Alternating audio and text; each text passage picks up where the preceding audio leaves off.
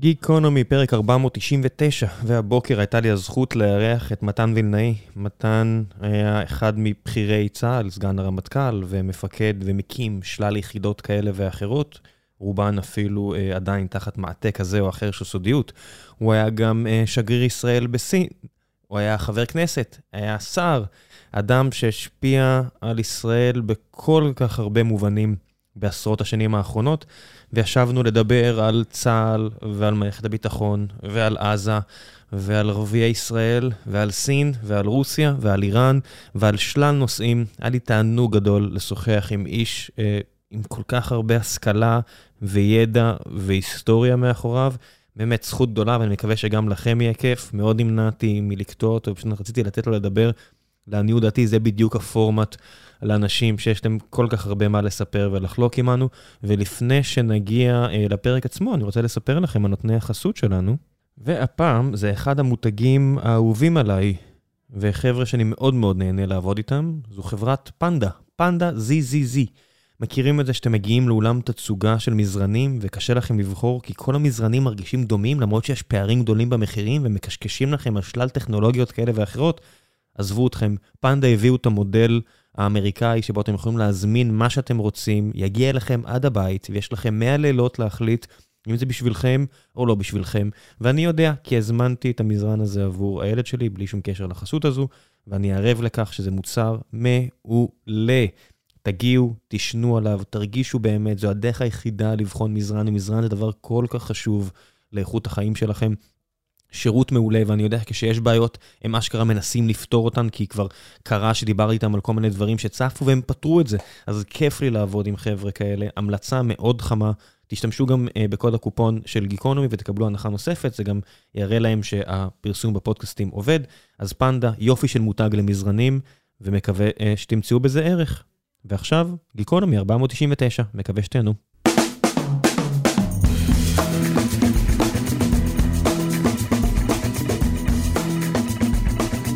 גיקונומי פרק 499, והבוקר יש לי הזכות לארח את מתן וילנאי, מי שהיה חבר כנסת, שר, סגן הרמטכ"ל, סגן מסיירת מטכ"ל, שגריר ישראל בסין. התפקיד הכי חשוב, מפקד שיירת צנחנים. כן, זה התפקיד שאתה הכי גאה בו? התפ... מפקד שיירת צנחנים, הובלתי פשיטות שהנכדים שלך לא ישמעו עליהן בכל מרחבי המזרח התיכון. תגיד, איך זה הגיוני ש... יש כל כך הרבה דברים שנשארו במדינה כל כך פטפטנית כמו ישראל, הצליחו לשמור על ביטחון שדה. זה הישג עצום. אתה אמרת נכון, מדינה פטפטנית מאבדת עצמה, מפפטת את עצמה לדעת יותר מפעם אחת, אבל יש דברים שאנחנו יודעים לשמור עליהם, כן.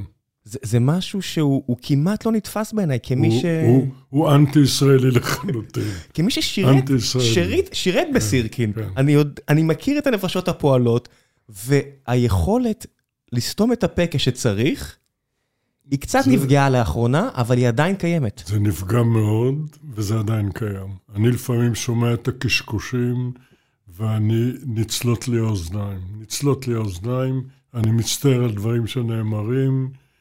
הבורג הזה כן פעם אמר, אף פעם לא הצטערת דברים שלא אמרת, זה לא תמיד נכון, כי לעיתים אתה כן צריך להתערב ולהגיד, והייתי במצבים האלה כמובן גם, אבל אתה יודע מה, יום אחד אני ראש אכ"א, נותן סיכות מ"מ לקצינות מצטיינות בסיום קורס קצינות.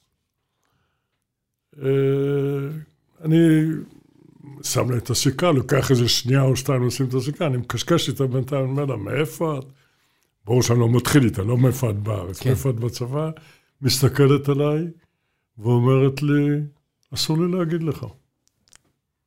היא אה, סג"מית עשר שניות, אני עשיתי אותה לסג"מית, אני אלוף מתבגר לצורך העניין, בעדינות נגיד את זה, אסור לי להגיד לך.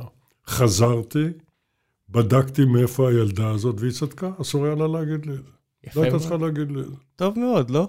אני חושב שזה מצוין. זה הכניסו לה ביחידה, לוורידים, שהיא כזאת סודית, אם היא לא אומרת לי, כנראה לא אומרת לאף אחד, כי בכל זאת, אני קצין בכיר וזה.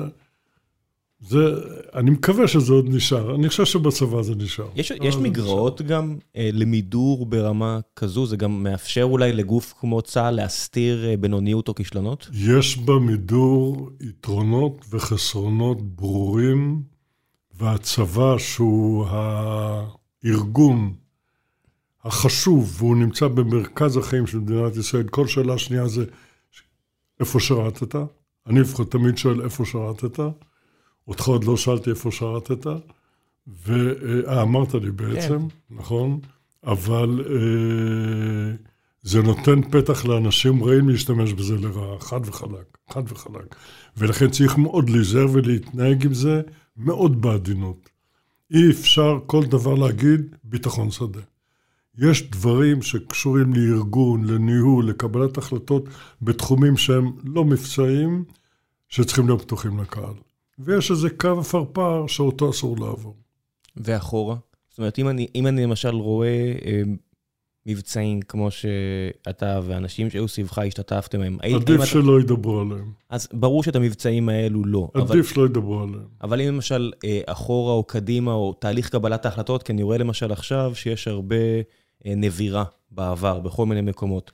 אז בוא נגיד שמבצעים שהיו 10, 20, 30 שנה, כל מיני סגני אלופים כאלה ואחרים, שאפילו אם הם הלכו לעולמם, צריך לשמור על זהותם חסויה. מצד שני, אני רואה אה, פעילויות כמו אה, סמואה, או, 40, או דברים אפילו שקרו ב-48. לא, סמואה זה קרב שהיו בו אלפי אנשים, משני הצדדים, חשוף לציבור. אין בו סודות, להערכתי, אין בו סודות. רק ביום אה, שני שעבר נתתי בחטיבת חברון בערב הרצאה לקצינים על פעולת סמואה, 13 לנובמבר 66. אלה תאריכים שקרוצים, חרוטים אצלי, בלתי ניתנים למחיקה. שם גם נפצעתי, והמג"ד שלי נהרג לידי, וזה לא פעולה סודית. כן, תהליכי קבלת ההחלטות, צריך כן לנבור בהם, וכן לשאול שאלות, זה אנשים שהם כבר כולם לא איתנו, אבל לא זו, לא זו הנקודה. פעולת סמוע זו דוגמה קלאסית להישג צבאי, סביר, אה, וכישלון מדיני. אסטרטגית היא הייתה מיותרת. היא הייתה, היא התקבלה גם לא בתבונה רבה. צריך להבין מה נפשות הפועלות. אה, ראש ממשלה שהוא גם שר ביטחון שצריך להוכיח את עצמו, ובישראל ככל שאתה תוקפני יותר, אז אתה יותר מוכיח את עצמך, לא שזה תמיד נכון. אה, זה היה לוי אשכול, אה, מציע את הפעולה אה, הרמטכ"ל, יצחק רבין, שאני רואה את עצמי כאיש שמאמין בו עד הרגע הזה, במאה אחוזים. היו לו תקלות שלו כמובן גם כן. ורבין יש לו את השיקולים שלו כרמטכ"ל, אני אפילו לא בטוח שאני מבין אותם. והתוצאה של הפעולה הזאת, יש גרסה רחבה שאומרת שהתערבות של ירדן בששת הימים, שהיום זה נראה רגוע, אבל אז היה ממש מפחיד, אה, הייתה כתוצאה מזה שחוסיין איבד את האמון שלו בישראלים בפעולת סמואר. אם אני זוכר, 15 או 14 חיילים ירדנים נהרגים שם, אתם לוקחים בשבי כמה עשרות חיילים. לדעתי אפילו יותר. זה, פול, זה היה מש... קרב שהיום רואים לא, אותו רק השנה, במלחמות. השנה זה לא כמות ההרוגים. הסיפור של סמואה מתחיל משלושה צנחנים שלנו שנהרגים על מוקש במקום שנקרא בריכת צפירה, בירקת זפריה, בסיאל, בנחל צאלים, והעקבות מובילות לאזור של סמואה, לא הייתי חותם בדיוק לאיזה מקום הם הגיעו, אבל כתוצאה מזה אנחנו יוצאים לפעולת יום בלוח זמנים קצר בצורה מדהימה. פעולת יום פעם ראשונה משוריינת שהיא קדימון למלחמת ששת הימים מבחינת המפקדים, החיילים, היחידות, מאוד דומה. והורסים שם עשרות בתים. גדוד ירדני היה פרוס שם לפעולה, הם הניחו שנפעל בלילה. הם חזרו לבסיס שלהם. כשהם הגיעו לבסיס, אמרו להם, חבר'ה, עכשיו הישראלים מגיעים, הסתובבו וחזרו חזרה, ואנחנו התנגשנו בהם על הגבעות מסביב לסמוע. הסמג"ד הירדני נפצע קשה, הוא פונה יחד איתי במסוק, הוא נפטר תוך כדי פינוי, הוא היה פצוע קשה בבטן, ואני נחלצתי משם בחיים, והפעולה הייתה פעולה שאנחנו פגענו בגדוד הזה קשות, עשרות הרוגים לדעתי, לא יודע מה המספר הרשמי המדויק, אבל לא פחות מ-20. אני דיברתי מזיכרון, כי לא קראתי על זה לאחרונה, אבל אני זוכר ש... משהו, עשרות הרוגים. עשרות, הגדוד, אוקיי. לא ספרנו את זה, זה, לא זו הייתה הכוונה. הכוונה הייתה לאיים על אלה, על מדינת ירדן, ממלכת ירדן, שנותנת חסות לפעולות כאלה. הממלכה לא נתנה ממש חסות, הם לא התכוונו לזה. התחילו מהומות עצומות במרחב מחנות הפליטים, שהיום אנחנו מכירים היטב, של יהודה ושומרון, של הגדה המערבית. הצבא הירדני לא היה צמחוני והפעיל טנקים והפעיל את כל הכוחות שלו. חוסיין, זה הרעיד לו קצת את הכיסא. מבחינה זאת מיותר, בעיקר שהיוזמה מגיעה מסוריה בכלל. ואז הירדני, לא הממוצע, הירדני בשלטון אומר לעצמו, מה הישראלים מתחילים איתנו? הם יודעים שזה בא מסוריה. מתחילים איתנו כי, איתנו, כי איתנו נוח להם לריב ועם הסורים פחות? שאלה טובה, מה שנקרא. שאלה טובה. אני אז כמ"פ לא הבנתי את זה בכלל. הייתה לי משימה מוגדרת, צנחן, אותה אני מבצע. ולא יותר מזה, לא עסקתי מעבר לזה. אבל פעולת צמר זו דוגמה לפעול, חלק מהסט של פעולות התגמול שהיינו מורגלים בהם, שלא תמיד היה בהם היגיון, ושאתה בוחן אותן אחת לאחת, עולות היום, עשרות שנים אחרי זה, יותר משאלה אחת, גם בהנחה שאתה נמצא בימים ההם.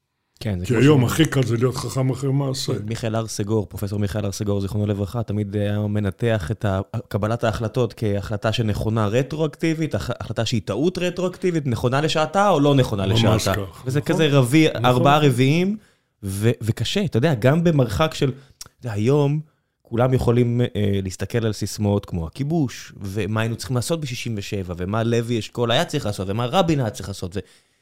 בסיטואציה עצמה, אתה תמיד צריך להיזכר, קרו קברי אחים. מכיוון שאני הייתי שם, ואני זוכר, האמן לי שאני זוכר, האווירה הייתה סוף בית שלישי. זו הייתה האווירה, שלא התבלבלו לרגע כל החכמים שמנתחים את ההחלטות שלהם. ופרופסור הסגור צודק במאה אחוז בעניין הזה. האווירה הייתה, לא אצלנו, אנחנו הרגשנו מצוין, אבל ברחוב האזרחי, אני המלחמה פרצה ביום שני, ששת הימים, סדין אדום, יום שני בבוקר. אני בשבת בצהריים אצל חבר שלי בתל אביב, אל תשאל אותי איך ולמה, אבל הגעתי. ותל אה, אביב, שאנחנו נמצאים עכשיו בתוכה, זה לא להאמין, לא ראית דבר כזה. ריקה, אין גברים צעירים, תחושת פחד נוראי, שלא יספרו סיפורים, פחד נוראי. ביחידות, אנחנו, הצנחנים, היינו מלכי העולם, אמרנו רק שיבואו, אנחנו נכסח אותם. מה שקרה באמת. היה לנו ביטחון עצמי מופרז, שאנשים צעירים אפילו מופרז. אבל ידענו מה אנחנו הולכים לעשות. והאווירה ברחוב הייתה קשה, ואשכול, הייתה לו, הייתה לו בעיית מנהיגות מאוד מורכבת. זאת אומרת, הוא ניצב בפני בעיה מאוד מורכבת. ההיסטוריה תשפוט אותו לדעתי רק לטובה. ככל שתעבורנה השנים, ילמדו להעריך אותו יותר.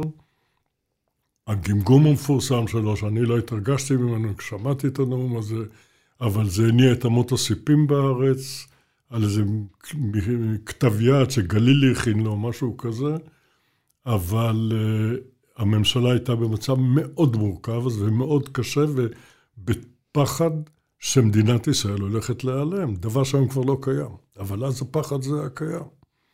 ולכן כשאתה שופט את ההחלטות שלהם, את זה צריך לזכור. זה בסוף סדרה של החלטות, וגם צריך לקבל את ההבנה שלא הכל אתה מחליט. לפעמים יש סיטואציות שהן כל כך מורכבות, שהמציאות קצת מחליטה עבורך, דברים מתגלגלים. ממש ככה. האשליה הזו שיש לנו את הכוח להחליט בכל רגע נתון, היא, היא כמו שהיא, אשליה לא, לא, הרבה פעמים. היא אשליה, נכון, נכון.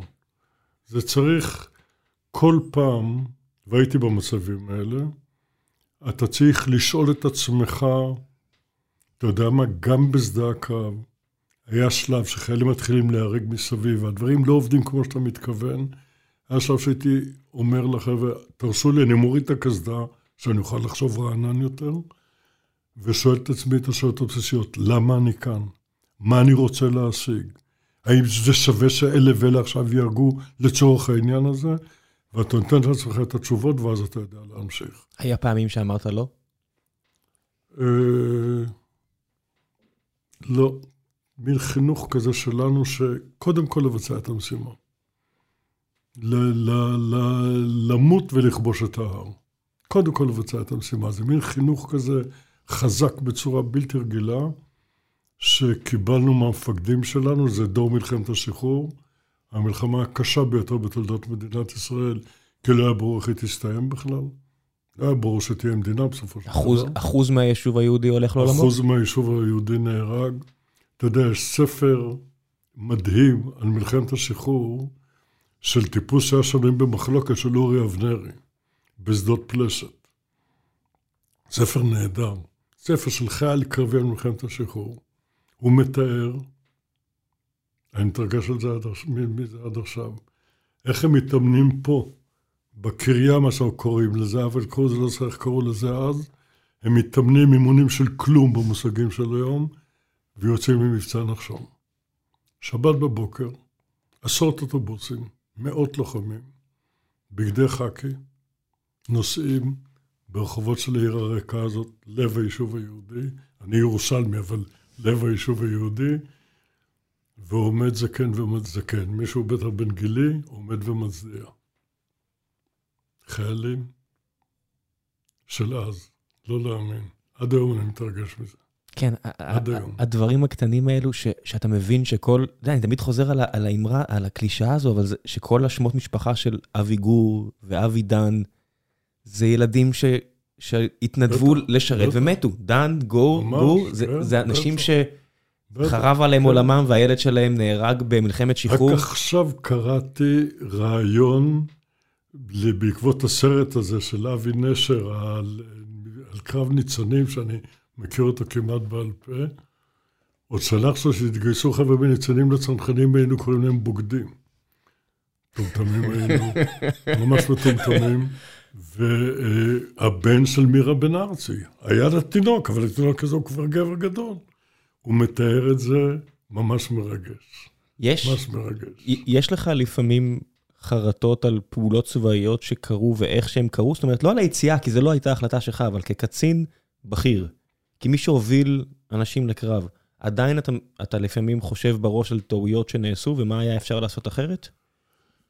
טעויות עושים תמיד, אין ספק שעושים מי טעויות. שלא עושה לא טועה, זה מה שכתוב על הקיר שם, לא? הצנחנים אומרים, מי שלא אה, מנווט, לא טועה בניווט. כי אצלנו ניווט זה, כן, מי שלא מנווט גם לא טועה. לא הולך לאיבוד אף טעויות פעם. נעשות תמיד. אני תמיד רואה את הקונטקסט המלא ואומר לעצמי למה אנחנו כאן ומה אנחנו צריכים לעשות. ואני רואה תמיד את ההקשרים ההיסטוריים, עוד שהייתי צעיר, תמיד ראיתי את ההקשרים ההיסטוריים, ואני מרגיש שבסך הכל ברמה העקרונית, בשלבים הראשונים לא הייתה לנו ברירה אחרת בכלל, מאשר להפעיל כוח. יש ספרות ענפה שעוסקת בתחום הזה, ויש הרבה מחקרים שעוסקים בזה. תמיד יש מקרים שאתה אומר, זה לא היה צריך להיות ככה, היינו צריכים לעשות את זה אחרת.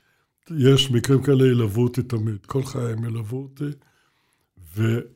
והחברה הישראלית עוד לא כשרה, עוד לא בוגרת מספיק להתמודד עם הדברים האלה. זה ייקח את הזמן שלו. אנחנו לא בוגרים להתמודד עם טעויות שנעשו, וזה ישר נושא אופי רכילותי, קו נטוי אופי, אופי פוליטי, ואז איפה שאתה יושב זה מה שאתה חושב, אתה משנה את הכיסא, גם הכל משתנה גם כן. אני לא אוהב את הדבר הזה.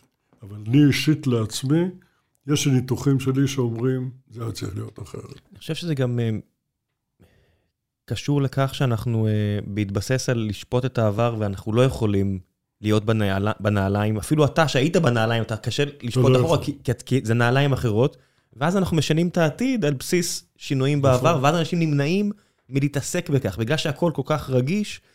וזה, וזה מסוג המעשים שאולי מתאימים למדינות כמו רוסיה, ש, שכולאים לא, אז- אנשים אז אני אגיד שחוקרים. בצבא, עניין התחקיר הוא ערך עליון. אני מקווה שזה נשאר עד היום, אני מניח שזה נשאר עד כן, היום. אני... התחקיר הוא ערך עליון. תמיד חוזרים ושואלים את השאלות הכי קשות ומספרים כל אחד את הסיפור שלו הכי מדויק שאפשר. יש לי הרבה דוגמאות לזה, אני זוכר הרבה דברים כאלה.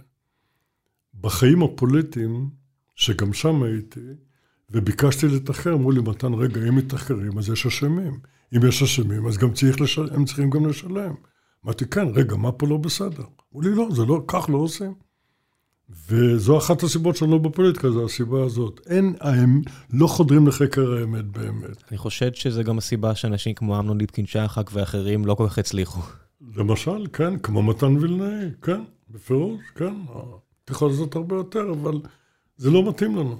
החינוך שלנו הוא חינוך אחר. יש לי חבר שעכשיו עושה עבודה על קציני צבא בפוליטיקה. בסדר, עושה עבודה. מי לא, אתה יודע, כמעט כולם קציני צבא כן, בפוליטיקה. כן. גם ואני, עופר שלח אה, ובנימין נתניהו היו סרנים, אז זה לא אלוף, אבל גם, גם סרן זה קצין, לא? הוא שירת תחת פיקודי. הוא שירת תחת פיקודי. אבל כן. כולם היו קצינים. כן, כן, הם כל... לא כולם לצערי, רובם. יש לך הרבה מנהיגים שלנו שלא כן. או שרתו קצינות, סליחה, בכלל. גם קצינות. שלא שרתו בכלל, או אה, ששרתו במקומות אה, מסוג אחר. ואצלי זה קנה מידה חשוב, אני אגיד את זה בוק צבאי, זה לא בוק צבאי. מי שמוסר, מי ששולח את עצמו למקומות הקשים, לקו הקדמי, שם את חייו בכפיו, ויכול להיות שהוא לא יחזור משם. אני מתייחס אליו אחרת מאשר לכל, והרמטכ"ל העיר מאוד מדויק בשבוע שעבר, באיזה סיום של איזה קורס, קורס טייס או משהו כזה, על הטובים ליחידות הלוחמות, ולא להתבלבל לרגע עם כל היחידות הטכ- הטכניות שהן מאוד חשובות, והשכל הישראלי, השכל היהודי בא שם לידי דוגמה, אבל לא רוצה להתבלבל. החייל הפשוט עם החולצה מול האויב. היום זה כבר יש לו גם אפוד מגן, יש גם אפוד. בטווחים של עשרות מטרים הוא נחדר חופשי על ידי כל רובי האפוד הזה. והוא גם לא מכסה לך את כל הגוף.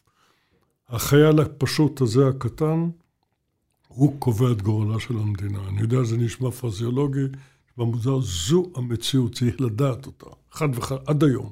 אחרי שאנחנו כמה, 70 שנה, זה עוד יימשך, זה עוד יימשך. אה, 48 זה רק היה נקודת התחלה של משהו, זה לא באמת 70 שנה, זה הרבה יותר מזה.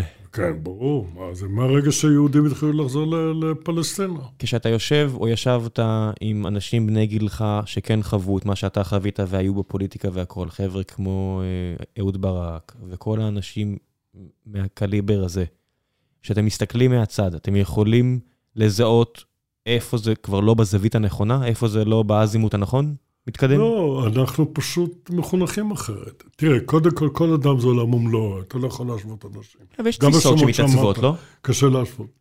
יש לנו איזשהו מחנה משותף מהשירות, אבל כל אחד הוא עולם בפני עצמו, בוודאי. והוא מתנהג אחרת.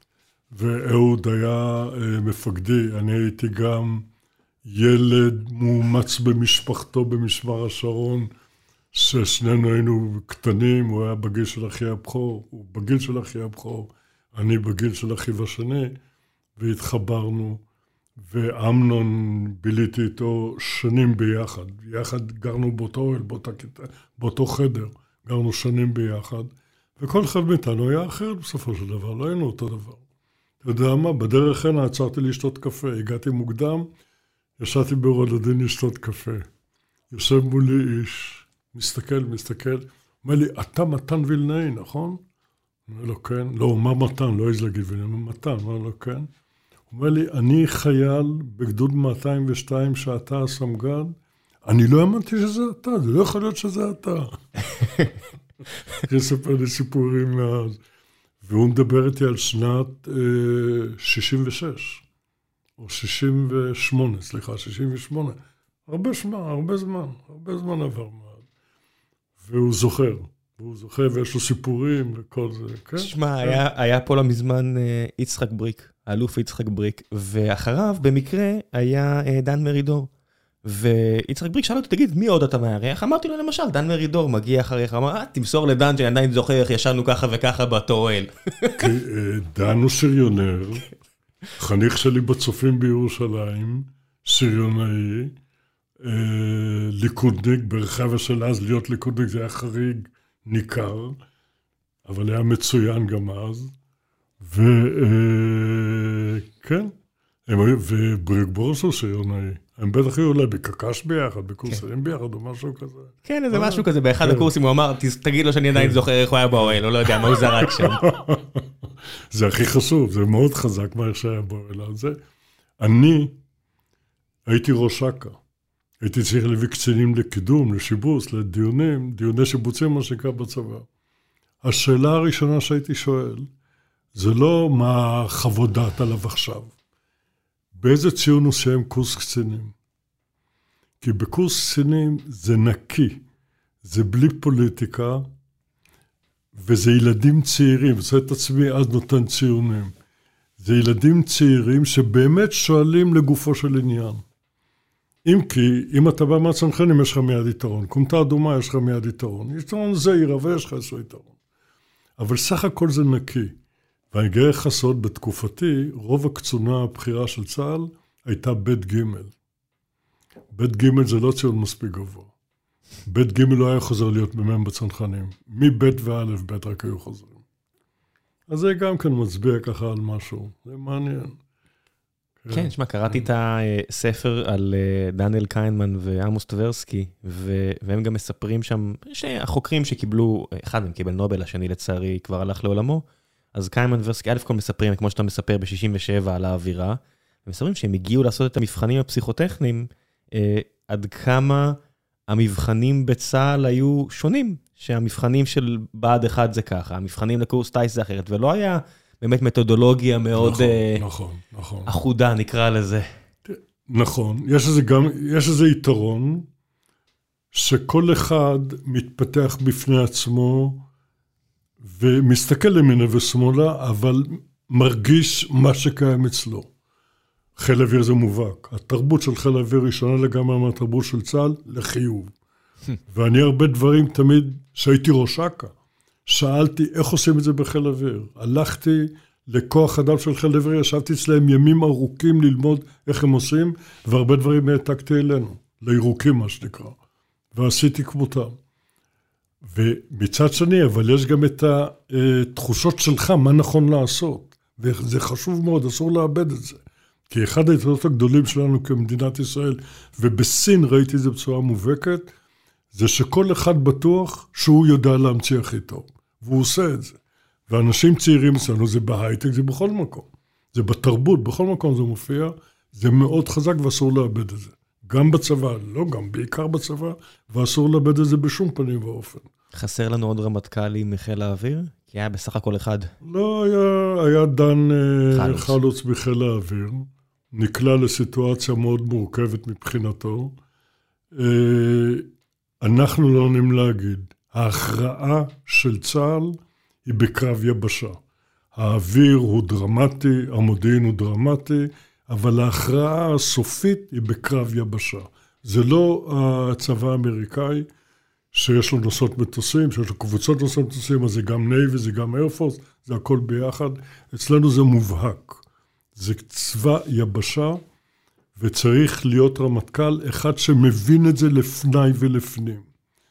ואם לא גדלת שם, אתה מבין את זה פחות, אין חוכמות. זה, זה נראה כאילו אם מסתכלים אחורה על צה"ל, היה איזושהי כוונה בשלב מסוים כן לפצל את החילות השונים שיהיו יותר עצמאיים, כמו בארצות הברית, אתה יודע, אז לחיל האוויר שתהיה יחידת קומנדו משלה, ולחיל היבשה שתהיה יחידת קומנדו משלה, וככה, ועם השנים נראה שקצת זנחו את זה, ובסוף הכל זה מישמש, אתה יודע, כשאני התחלתי, כשאני הייתי בשירות שלי, אז בדיוק אה, השייטת נכנסו הרבה לשטחים, כי הם החליטו שלא יכול להיות שיהיה חבר'ה כאלה טובים שלא מעורבים באיפה שנמצא. נכון, נכון. ועד סוף השירות שלי, לא יודע, 2005, זה היה נראה כאילו ים הם רואים בעיקר באימונים, והם איתי יותר בשכם או לא יודע איפה. אה, תראה, אה, לזרועות יש עצמאות עצומה. כשאני אומר זרועות זה ים, אוויר ויבשה, יש להם... יבשה זה לא ממש זרוע, זה קצת יותר מורכב. אבל היום זה כבר זרוע, עשו מהלכים מאוד נכונים בשנים האחרונות שאנחנו צריכים לעשות ולא עשינו, והם עשו אותם, זה בסדר גמור. יש להם עצמאות משלהם, אבל כן, בסוף יש את אחדות המטרה ויש את המחנה המשותף של כולנו. והוא מאוד חזק, והוא מאוד חשוב שהוא יישמר, אבל העצמאות למטה קיימת ואני מברך עליה. אני יכול להגיד לך שאני בניתי ביחידה, בצבא יחידה. שהרמטכ"ל חשב שרוצה לבנות אותה. אני ילד, אלוף משנה, בניתי את היחידה הזאת, היום היא פאר היחידה הזו, והרמטכ"ל חשב אחרת. עכשיו, מי עושה דבר שהרמטכ"ל חושב אחרת? איך אתה עושה דבר כזה? רק בישראל. ואצלנו עושים את זה. וכשאני בא לקבל תפקיד של מפקד בה"ד 1, אני מקבל מינוי משנה של מח"ט איקס. ואני אומר לרמטכ"ל, אני אומר לרמטכ"ל, לרמטכ"ל, אני אומר לו, המפקד, אבל אני מח"ט של יחידה אחרת. הוא אומר לי, איזה יחידה? מה לא זאת, זאת, אין יחידה כזו. אתה מבין את הדיון, כן. מבין את הדיון. והיחידה הזאת קיימת, והיום היא יחידה שמתמודדים, מי יפקד עליה? זה כבוד גדול, זה לא דבר קטן. בלי התעקשות שלי וחברת קציני מילואים שהייתה איתי, אני הייתי איש קבע היחיד שם, יש לזה השלכות, זה לא היה קורה. יש כמה יחידות ש, שאתה אה, רשום על שמן. לענ- לעניות דעתי רשמית, אה, שמשון בעזה היא עליך, שמשון, כן. היא רשומה על שמך. אתה אמרת לי לפני הפרק שעוקץ מבחינתך רשומה על שמך. אה, כן. יש, יש כמה כאלו. יש- שאתה עשית כן. את ההחלטה הזו, שצה"ל צריך להתמקד ב, בלוחמה מסוערבת בעזה. זה, זה משהו שאתה... זה מסתכל- אתה צריך להבין, אני הייתי אז בן כמה? הייתי בן 40 ומשהו, הולך עם השמשונים ברחוב בלילה, ל- עם הבעיה, עם זקן, עם מקל של טוריה ביד, עם אקדח מתחת לבעיה, והם אומרים לי, מה הילדים האלה אומרים לי? זקן כמוך לא מסתובב ברחוב בלילה. אנחנו לא יכולים לשמור עליך, זה לראות איך הם מתנהגים עם זקן כמוך ברחוב בלילה. הם חינכו אותי. אבל זה טוב החינוך הזה, זה מצוין, שהם בטוחים, שהם יודעים וזה עליהם, והם יעשו את זה הכי טוב שאפשר. זה, זה מה שעושה את צה"ל, זה מה שעושה את צה"ל. יש עוד צבאות בעולם שבו קצין בכיר כל כך עושה דבר כזה? אני לא מאמין, אני ממש לא מאמין. אני עקבתי קצת אחרי האמריקאים באפגניסטן ובעיראק, ממה שיכולתי לעקוב. אה, לא עד כדי כך. הם לא... וזה יתרון שלנו. זה שאתה נמצא... אתה יודע, אני יום אחד נרצחה ילדה, היה דבר נורא, פה בתל אביב. על ידי איזה עזתי מטומטם מח'אן יונס רצח אותה. הטילו סגר על הרצועה. בסדר גמור, היו יוצאים מדי בוקר מהרצועה עשרות אלפי ערבים לעבוד בישראל, פלסטינים לעבוד בישראל. הטילו סגר. יצחק שמיר ראש הממשלה. אה, באים לדיון על המשך הסגר. באים לקבינט, אני בא לשם בתור אלוף פיקוד הדרום. הם החליטו להמשיך את הסגר, בסדר גמור. ואז אני אומר להם, אה, יצחק שמיר אומר האלוף, יש לך משהו להגיד? אמרתי, כן, בהחלט, לכן אני קם. אני כרגע מגיע מעזה, ואני הסתובבתי שם בשוק. ניגש אליי אה, בחור צעיר, הוציא ככה מהכיס של החולצה שטר ירוק, זה לא דולרים, זה ירוק ישראלי, זה 20 שקל, כבר היום, עד, כבר מה זה 20 שקל, אומר לי בעברית צחה. ראיתי בטלוויזיה שאתה המפקד שלנו. לא אמר לי אלוף הפיקוד הזה, אתה המפקד שלנו, שלנו זה של הפלסטינאים, אתה המפקד שלנו. ולי יש uh, חמישה ילדים בבית, אני עובד במפעל הבנייה של הקיבוץ הארצי בקיבוץ ארז, זה שני מטר מעזה, ויש לי בבית חמישה ילדים להאכיל, ונשארו לי עשרים שקל. אני רוצה להתחיל לענות לו, ואז הוא ממשיך ואומר לי, אבל מעבר לפינה הציעו לי 50 שקל אם אני זורק עליך רימון. אמרתי לו, תזרוק. הילדים שלך יתומים מיד. אתה מגיע לארץ מת, אין על מה לדבר בכלל. איזה שטות זאת, מה אתה זורק עליי רימון? נגמרה השיחה. נגמרה השיחה. אני מספר את זה בישיבת הקבינט, שמיר מסתכל מסביב ואומר, שמענו את האלוף, אם יש למישהו הערות, ברור שהם יצאו לעבודה, נגמר העניין. שיניתי החלטה בזה ששמתי את הדברים כפי שאני רואה אותם. שאם 50 בניגוד שקל... לעמדת אה, כל השרים כן. שמסביבי. שאם 50 שקל מביא רימון ו-20 שקלים מביא עבודה, בוא נדאג שהעבודה תביא 100 שקל. אה, שהעבודה תביא יותר מ-100 שקל, בטח. לא, הם- הם- הנה, אתה רואה שעכשיו רוצים להקל, מוציאים לעבודה. ברור שצריך לעשות. כן, אנשים לא זוכרים, זה כאילו, אתה יודע, אפילו אנשים בגילי קצת לא זוכרים, את הבית של ההורים שלי בבאר שבע בשנות ה-90 בנו פועלים מעזה. שאבא שלי היה אה, יושב איתם, אתה יודע, מפקח, לא בקטע ששומע, מפקח, כי אתה יודע, אתה בונה בית, אתה רוצה להיות קרוב לזה. אני שמח שהם מעזה ולא מחברון. כן. כי אני, בתור פקוד הדרום, נהיה חשוב שהעזתים יצאו לעבוד. הייתי בא לאתר ורואה מכוניות חברוניות, אני קורא לקבלן, אמרנו, למה חברונים? למה לא עזתים? הם צריכים להרוויח. והכסף זה, מרכזי כאן, בטח. מה שמדהים הוא שזה לא נכון רק לפלסטינאים, או רק לערביי 48, או לא, לא יודע מה. אני רואה למשל, אמ, היה כתבה במוסף הארץ על, ה, על הפשיעה במגזר הערבי, שסוף סוף מגיעים להתעסק בנושא הכל כך חשוב הזה, והם ראיינו חבר'ה שיושבים בכלא עכשיו. ו- והם אומרים, אתה יודע, שואלים אותם, איך הגעת לסיטואציה שזה מה שאתה עושה? הוא אומר, כולנו בנים של אלכוהוליסטים ושל כאלה. אתם חושבים שבן של רופא היה, יושב פה איתי? זה לא משנה ערבי, לא ערבי. ואתה חושב שאם חבר'ה שגדלו לידי נכון. בבאר שבע, אם גדלו נכון. למשפחה הנכונה, הסיכוי שלהם... אה, נכון, נכון, נכון. יודע, זה, לא, זה לא ייאמן כמה, אם אתה מסתכל. באמת על הסיבות, אם אתה רוצה לטשטש את זה, להגיד, כן, התרבות הערבית דוחפת אותם. אני הייתי יושב ראש ועדת השרים לעיסוק באזרחי ישראל הערבים, בממשלתו של ברק, ממשלתו קצרת הימים של ברק. הייתי אה, יושב ראש הוועדה הזו, ישבו איתי בוועדה אה, יוסי ביילין, ישבתי בוועדה ג'ומס, שני אנשי מרץ, חכמים שמבינים עניין, וישבו איתי בוועדה, רחמנא ליצלן, ראשי ערים ערביים. עכשיו, אסור להם, הם לא יכולים להיות חברי ועדה כוועדת שרים, אז הבאתי אותם כמשקיפים, הם היו משקיפים. מה שאנחנו למדנו מהאנשים האלה, את הבעיות שהם מתמודדים איתם, חלקן אתה דיברת כרגע. זה עולם ומלואו שלמדינת ישראל יש המון מה לעשות בדבר. פועלים היום בכיוון הנכון. עושים את הדברים הנכונים. לקח לנו הרבה זמן להבין את זה, ואנחנו משלמים על זה מחיר. משלמים על זה מחיר, ואני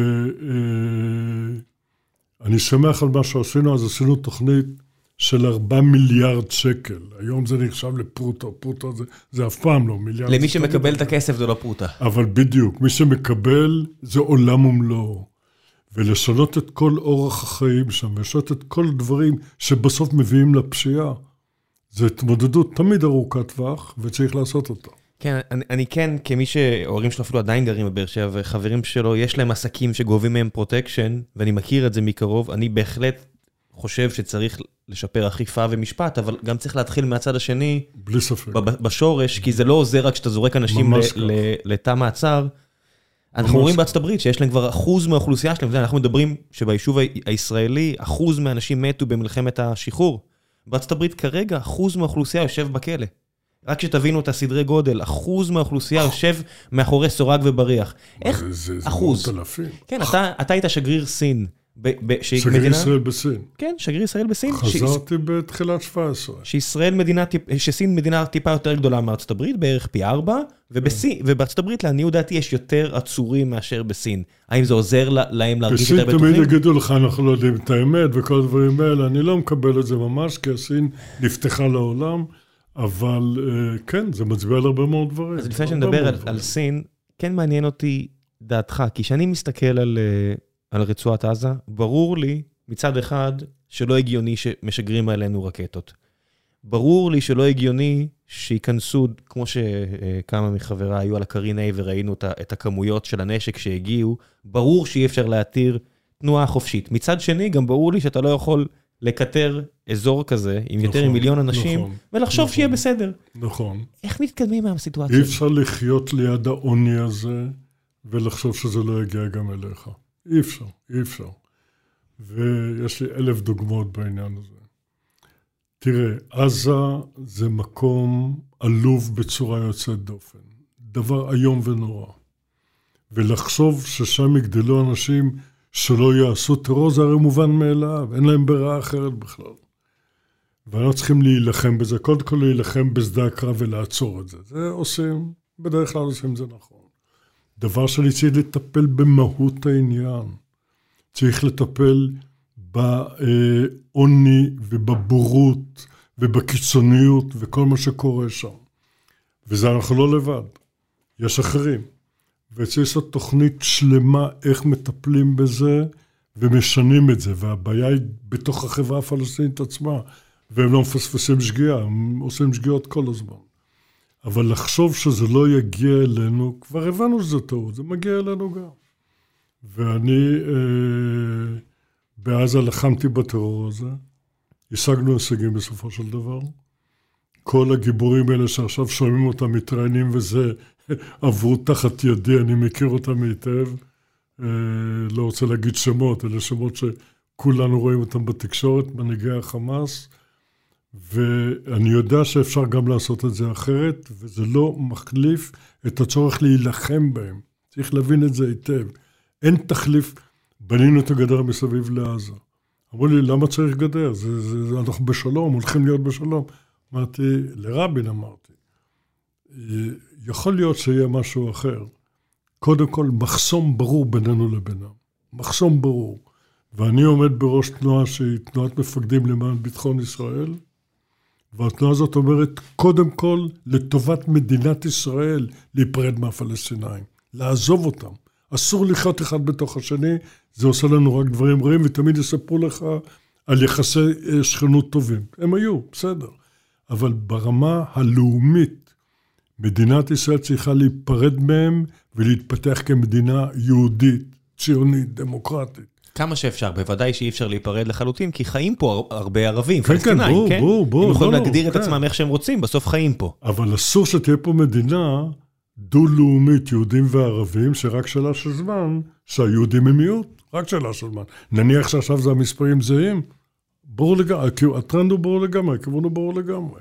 ומזה צריך, האיום העיקרי היום במדינת ישראל זה הדבר הזה, לא כל הדברים האחרים. האיום שאנחנו נמצא את עצמנו בלי להרגיש. שבין הירדן לים, ים התיכון, יש מדינה אחת עם אה, רוב יהודי הולך וקטן, מיעוט ערבי הולך וגדל, ובטווח של עשר שנים התמונה היא ברורה לגמרי. עכשיו, אין אחד שחולק על זה. גם, אה, נניח, גם אם יש, גם אם זה 60-40, גם אם זה 70-30, פשוט בכמויות מסוימות, עם הלחץ שכבר קורה, אז זה יוגוסלביה. ביוגוסלביה, אף אחד לא זוכר אם היה יותר קרואטים, יותר סרבים, יותר אלבנים, יותר אה, מקדונים. זה לא משנה, כשיש מספיק כמויות, בסוף תפרוץ אלימות כמו ש... קיבלנו עכשיו טעימה. קיבלנו טעימה. הרבה יותר מפחיד אותי מאשר הרקטות אה, שהגיעו מעזה, זה העובדה שיש לך אנשים, ערבים ישראלים, שאומרים, אנחנו לא, לא מבינים לאיפה זה הולך. נכון, נכון, נכון, נכון, נכון, נכון, בהחלט, כן. ויש לך דוגמה... אין, אין, אתה לא יכול לבנות חומה בין תל אביב ליפו, נכון? אתה לא יכול, אתה לא יכול, אסור, אסור להגיע לזה. וצריך להבין את הבעיה הזו ולהתמודד איתה. והרבה אנשים שאומרים, מה, אז אתה מוותר להם? אתה לא מוותר לאף אחד, אתה קודם כל דואג לעצמך, אתה דואג למדינת ישראל. ויוגוסלביה זו דוגמה קלאסית למה שיכול לקרות כאן, או בעצם כבר קורה כאן, אתה אפילו לא מרגיש שזה קורה. אני מרגיש. אנחנו כולנו מרגישים. אולי לא מדברים על זה, אבל כולנו התחילו, מרגישים את זה. התחילו, לפני שנה לא דיברו על זה. התחילו עכשיו לדבר, סוף כל סוף מדברים על זה. אז אנחנו במפקדים כבר שנים אומרים את זה, צריך להיפרד מהם ולגרום לכך שמדינת ישראל היא מדינה יהודית עם רוב יהודי מוצק. ויש בה מיעוט ערבי, ברור לגמרי שיש בה מיעוט ערבי של אזרחים שהם שווי זכויות כמונו. כן, יש גם את האשליה הזאת שאנשים מסתכלים קרוב מדי. זאת אומרת, אם היית מסתכל בשנות ה-50 על המדינות העניות בעולם, היית רואה שם את קוריאה, ואת סין, ואת הערבים בדובאי, נכון. שהיו בסך הכל כמה עשרות אלפי אנשים ותו לא, כן. קצת כפר דייגים עלוב ותו לא, ו... והיית רואה את ישראל. והיית אומר, אוקיי, בסדר, ישראל, יהודים היה להם שם טוב לפני כן, אז נניח נוציא, נחריג אותם, אבל קוריאה הייתה מדינה עלובה שנלחמה אחת בשנייה, כמו אפריקה היום, נכון. הייתה אותו תל"ג כמו אותו תמ"ג, כמו באפריקה. סין הייתה מקום שבו עשו דברים באמת נוראים כן, אחד כן. לשני, ובקוריאה. ודובאי הייתה בסך הכל ערבים, כמו ערבים פה, כן, אותה אומה. ממש אותה אומה. דובאי, אין לה יותר גז מלישראל. דובאי הצליחה להפוך למעצמה כלכלית עם הכוח שלהם, של המוח. לא רק ג'יניאס יהודי, גם ערבים, וזה אותם כן. ערבים, ויש איזושהי אשליה שאנשים אומרים, העזתים האלה, הערבים פה, התרבות שלהם היא ככה וככה, אף פעם לא יצא מהם משהו. אני רק אומר, תסתכלו על המאה ה-20, תראו איזה תמורות היו במדינה שאתה היית נכון, שגריר ישראל נכון. בה. אנשים לא מבינים מה סין הייתה. אני אגיד לך עוד דבר, והערבים הצעירים, מה הם אומרים היום? אנחנו לא רוצים מדינה, יש לנו כבר מדינה. מדינת ישראל. אנחנו נהיה פה רוב. זה ברגע שמתחילות הזמירות האלה, שחביב בורגיבה דיבר עליהם בשנות ה-50, נשיא טוניסיה של אז, ואף אחד מאיתנו לא הבין למה הוא מתכוון. ברגע שמדובר על דבר כזה, זה סופה של מדינת ישראל כמדינה יהודית דמוקרטית במזרח התיכון. לא לזה אבותינו התכוונו, בטח לא הרצל, לא לזה התכוונו. ואנחנו צריכים עכשיו לקחת את גורלנו בידינו, ולעשות את זה, בלי חוכמות. כן, גם דברים שהם אה, לא נאמרים בהחלט במפורש. אתה יודע, ב-48' כשנכבשו פה ערים ערביות, הרבה ערבים ברחו, גורשו, ברחו. ב-67', כשצה"ל נכנס לערים הערביות, אף אחד כבר לא ברח. הם לא ברחו. כולם הבינו את הקטע. הם לא, בטח, בפירוט, והיום זה ברור לגמרי. אם אז זה היה, עכשיו זה מובהק לחלוטין. יש ספר מצוין של עיתונאי, של אוהד חמו, שמחובר לפלסטינאים חיבור בלתי רגיל, פני השטח. תקרא אותו. אני, אני, דבר שאני גם מאוד חשוב להמליץ, זה לא רק אני, גם יש פה 15 אלף מאזינים שיקראו כולם, ואני אקרא אותו, אני מבטיח. צריך, זה, זה, אה, ספר שמסביר לך מה הצעירים הערבים היום חושבים בשטחים ובמדינת ישראל. אומרים, כן, אנחנו נהיה פה רוב. אנחנו נהיה פה רוב. היהודים רוצים להיות איתנו, אז אנחנו נהיה פה רוב. זה מה שקורה. ולכן מדינת ישראל לא מעיזה לקבל בכלל דבר שמטריד במציאות של היום. אני לא תולה את זה במנהיגים. המנהיגים נמצאים במצבים שהם לא יכולים לקבל את ההחלטות האמיתיות. ואיך למדתי את זה מרבין. יש מדיניות, זה מה הדבר הנכון לעשות, כל אחד לפי תפיסת עולמו, אבל יש את הדברים שמאחדים את המדינה, ויש פוליטיקה ליד המדיניות. זה מה שאפשר לעשות. ופוליטיקה זה אמנות האפשר. וזה לא תמיד מצטלם, לא תמיד מסתדר. וכשרבין החליט על אוסלו, שעד היום נמצאת בוויכוח, אני בעניין הזה קליר קאט, לי ברור לחלוטין.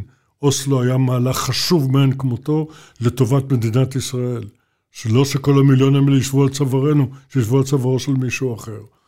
ורבין היה, אה, במושגים שלו, הם ימני לגמרי בתפיסת עולמו.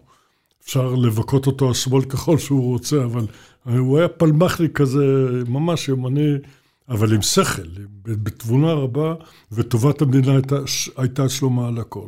ולכן הוא הלך לאן שהוא הלך. הוא עשה מהלך נכון. אם לא, היום היינו עוסקים במיליוני ערבים בעזה, ובתוך שכם ובתוך חברון, ודואגים לביטוח הלאומי שלהם, שזה מיליארדי דולר, מיליאר, מיליארדי שקלים שלנו. והוא ידע לעשות את זה. היום אין מי שיכול להמשיך את השלב הבא, להמשיך עם זה הלאה. והחמאס היום הוא איום אמיתי עלינו, והאיום הזה צריך לשלב בו גם פעולה צבאית וגם פעולות דיפלומטיות. לא מספיק להפעיל רק כוח. בכלל, התחושה שהכל נגמר בהפעלת כוח, אני כאיש צבא אומר לך, היא לא נכונה.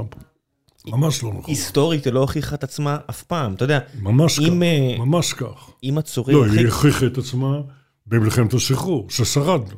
כן. היינו יכולים גם להיעלם. זה, זה בוודאי, בסוף, כן. הגעת, אם אתה מביא את עצמך לסיטואציה, אם כבר נפלת לבור, אתה צריך לצאת החוצה ולטפס אותו. אבל אני אומר, אפילו הצורר הגדול בהיסטוריה, היטלר, אם היה טיפה יותר דיפלומאי, ולא רק אה, פאנזרים, היינו במקום אחר, אחר נכון, לגמרי. נכון. זאת אומרת, כשהוא הגיע למזרח אירופה, אם הוא לא היה אה, מסביר לכולם כמה הם נחותים ממנו, כן, אולי הם לא היו כן. ממהרים ללכת עם החבר'ה שכבשו אותם רק ארבע דקות אחרי זה. אתה יודע, בסוף, כשסבא שלי היה ב... זיכרונו לברכה, כבר היה בסטלינגרד, מי נלחם שם? רומנים מצד אחד, מולדובנים מצד שני. לא היה, אתה יודע, ברור שגרמנים ורוסים, אבל היה כל כך הרבה עמים אחרים. החזית הגרמנית נפרצה שם בגזרה הרומנית. נכון. הרומנים היו אומללים שם. כולם היו אומללים, אבל אם דיפלומטיה, בסופו של דבר, כן. אם הצלחת להביא למצב שכולם נגדך, זה בסדר שאתה מספר לעצמך שתנצח. בסוף תפסיד, ולא משנה כמה טוב אתה. בסטלינגרד, בשלב מסוים, הכוחות הגרמנים כבר מיואשים, שולחים רב סרן גרמני בלי יד ועיוור בעין אחת, שנפצע בשדה הקרב, והוא מנוער היטלר, שולחים אותו להיטלר שיסביר לו כמה המצב שהיה, אמרו אולי הוא יקשיב לו. ברור שהוא לא מקשיב לו, וברור שזה נגמר, הולכים שם למעלה מ-100 אלף גרמנים לשבי, הרוב הגדול גם לא חוזר כמובן. רק, לעניות דעתי, ו... רק 5,000 גרמנים שרדו את הקרב הזה, כזה, כשאחד כזה. מהם כן. אה, ממונה לפילד מרשל על ידי היטלר, שאומר לו שתזכור שאף פילד מרשל לא נכנע אף פעם, כי בגלל זה הוא כן, קידם אותו, אז כן, מה שהוא עושה זה מיד להיכנע. איך קראו לו? אה, אה, ברח לי השם, אבל... פון פאולוס. פון פאולוס. פון, קודם כל פון. בוודאי, ופון פאולוס ממונה לאחר מכן למזרח גרמניה. הוא היה ראש עיריית מזרח גרמניה, הסובייטים מינו אותו, ולעניות דעתי, כל הציבור הגרמני, האחר כביכול, לא נאצי, מה פתאום, כולם בזו לו על זה שהוא בטוח, נכנע והציל בטוח. את חייהם של 5,000 אנשים. אבל רגע, רגע, אני רוצה רגע, דיברנו על סין, ואני רוצה להזכיר ובוא משהו מאוד חשוב. כן. כי סין זה אניגמה עצומה. העולם כולו, אתה רואה את האמריקאים, מבוהל מהעניין הסיני. והסינים, יש סיבה להיות מודאגים באמת.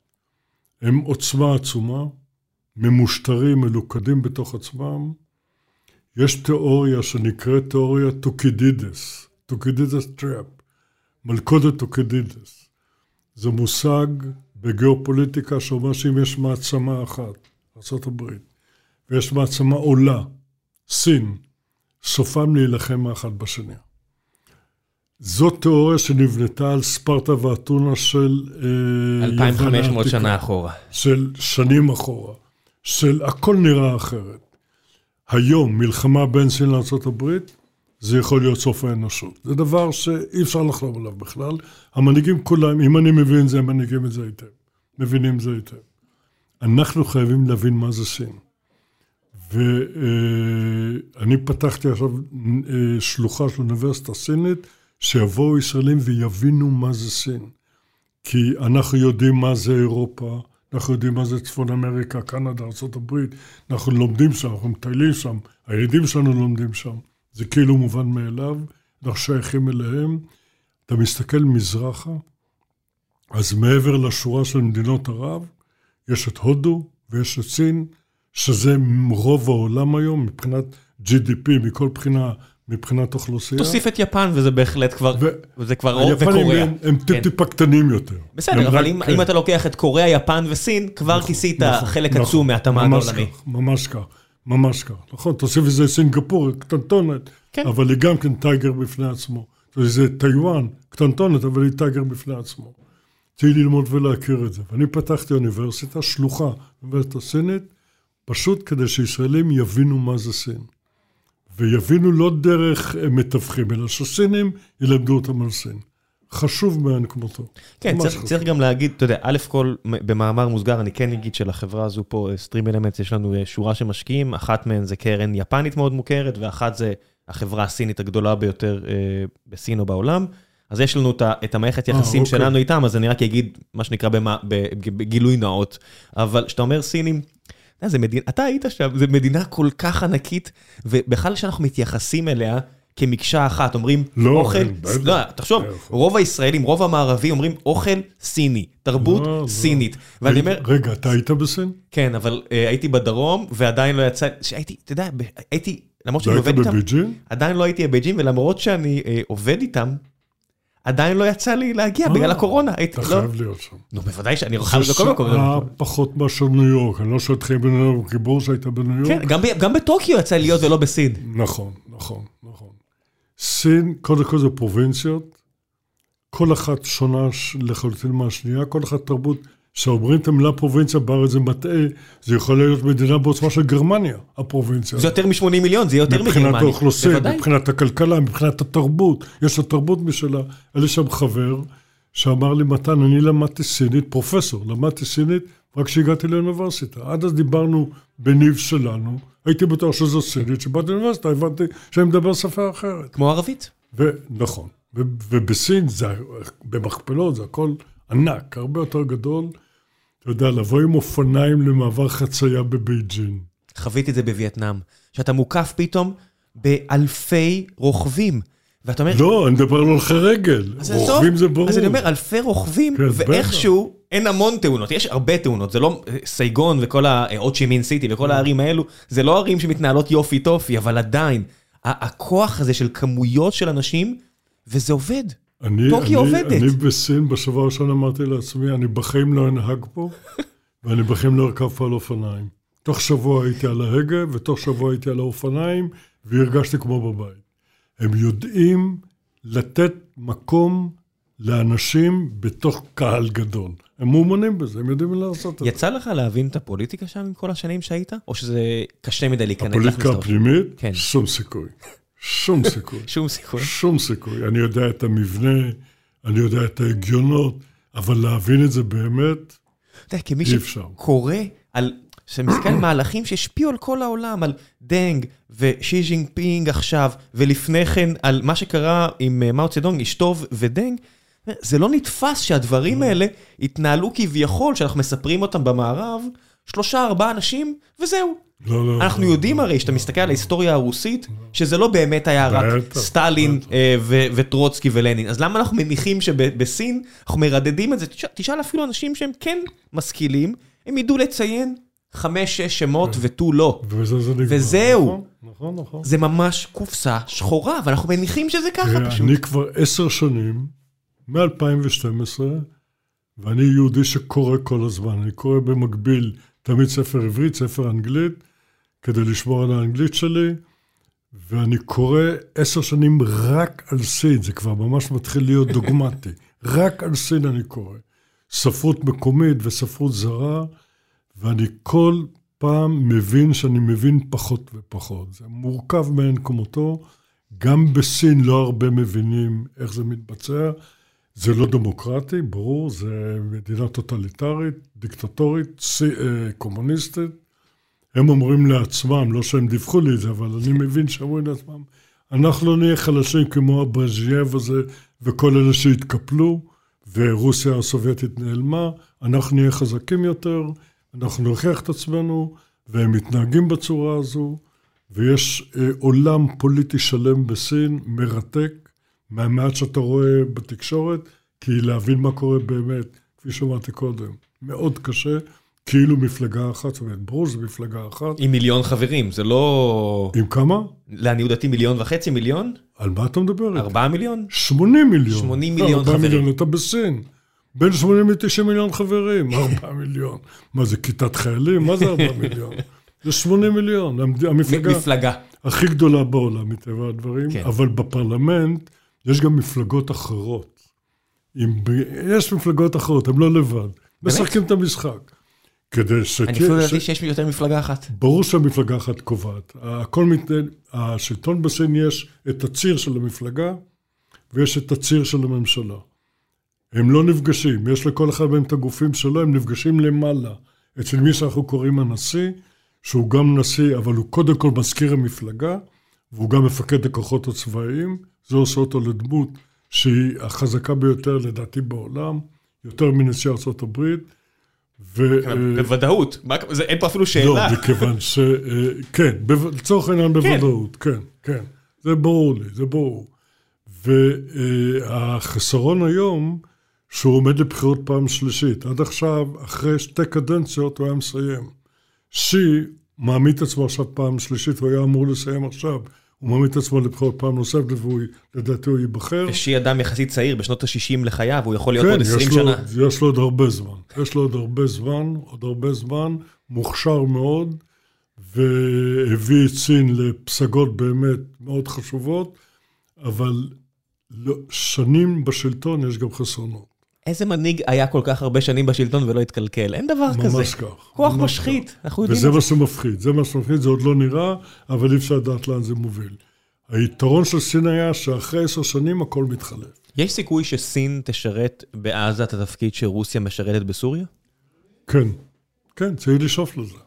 אני חושב שאם לא, סין הייתה בונה שם נמל. ובונה שם את הכל, לא היה את האפשרות לטרור. אני אגיד לך יותר מזה.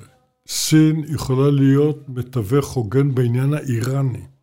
יש להם קשר מיוחד עם האיראנים, והם יכולים גם שם להיות מתווך הוגן. אני מחכה לרגע שהסינים ייכנסו, הם לא ייכנסו למקומות שהם תחת אה, שליטה איום. אמריקאית, כן. הם ייכנסו גם לעזה לשיקום, גם לסוריה ברגע שיתחילו לשקם אותה, ושם יהיו מיליארדים רבים של דולרים, ואני לא אהיה מופתע שהסינים יהיו שם. אבל הסינים מאוד מתוחכמים, מאוד. הסיפור הזה של תה ואורז יש בסין בארץ הנידחת, זה על פלסטינה אפשר להגיד, לא על סין. עברו הימים. זו המדינה עם התמ"ג הכי גבוה בעולם. מה... ברור, כל דבר, לא, כל דבר זה הכי גדול שם. לא, כי זה, זה לא לא ברור. זה לא ברור, זה כי הודו. עם המיליארד ומשהו אנשים שלהם, ו, ובסך הכל מעמד ביניים של עשרות מיליונים בודדים. זה לא ברור שהם הפכו למעצמה כזו סין, זה לא ברור בכלל. שכחת עוד דבר, זו דמוקרטיה. עוד הדמוקרטיה, צריך לזכור את זה. כן. ותוך זמן יעברו את הסינים במספר התושבים, כי הסינים הייתה להם מדיניות ילד האחד, שהם עכשיו משלמים את המחיר עליה. הם הפסיקו אותה, אבל עכשיו הם משלמים את המחיר עליה, וההודים יעקפו אותם במספרים. ההודים בכלל, יש ביניהם יחסים קשים, זה לא... כן. ש... מעבר לרחוב שלי הייתה השגרירות ההודית. צד אחד היו הצרפתים, ומולנו היו ההודים, היו לי קשרים עם השגריר ההודי, ולמדתי ממנו הרבה מאוד על, על הודו ועל סין ועל היחסים ביניהם. יחסים מאוד מורכבים. כן, רק לאחרונה היו אנשים שנזרקו מההר. כן, יודע, בגלל שאי אפשר להשתמש בנשק חם, אז הם אשכרה הלכו מכות. שתי המדינות הכי גדולות בעולם. הם נלחמים בגובה של 8,000 מטר. אבל עם הידיים. זה דברים שאתה אומר, לא כן, יכול כן, להיות שהעולם מתנהל ככה, וזה מה שהיה. והם שתי המעצמות הגדולות, הם שתי המעצמות, וסין היא אה, עוצמה, קודם כל בגלל המספרים, וב' בגלל המשטור של החברה. הם אנשים עובדים קשה, אומרים דבר סופר אנטישמי, והם לא אנטישמים. למה יהודים חכמים? כי היהודים יודעים לעשות כסף. הייתי שומע את זה, קופצות לי האוזניים. חבר'ה שהיו לי, מתן, האמבסדור תרגע, זה בסדר, הם לא מתכוונים. הם לא מתכוונים לזה, הם אומרים את זה בנימה חיובית. ואנחנו, הסינים, יודעים לעבוד קשה. זאת ההפרדה בין יהודים לבין סינים, כן. לא אהבתי את ההפרדה הזאת. אבל הם מאוד מתוחכמים, מאוד מתוחכמים, וההודים מאיימים עליהם מבחינת המספרים, זה נכון, אבל אה, סין, תמיד יש שם אוונגרד לא גדול של כמה מאות מיליונים שידע לקדם אותם קדימה. זה נראה כאילו הם לא לא ששים, זאת אומרת, למרות הצבא העצום שלהם, הם מאוד מאוד מאוד לא ששים להפעיל אותו. בטח. ומנסים. להימנע מזה מכל מחיר כמעט. עם כל האיומים שלהם על uh, שינג'וקו והאיים ביפן, לא, או, הם, או לא יודע מה, הם, או טיוואן בטח, uh, נראה ש... הגיאופוליטיקה העולמית, אנחנו יותר מדי שקועים במזרח התיכון. אנחנו פה. זה מה יש. אנחנו גם צריכים... שרבים בבית, לא מעניין אותך מה קורה. כן, כן.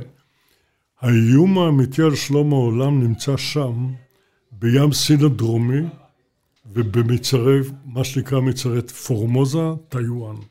שם נמצא האיום האמיתי על שלום העולם. אנחנו מורגלים שאין מלחמה קרה.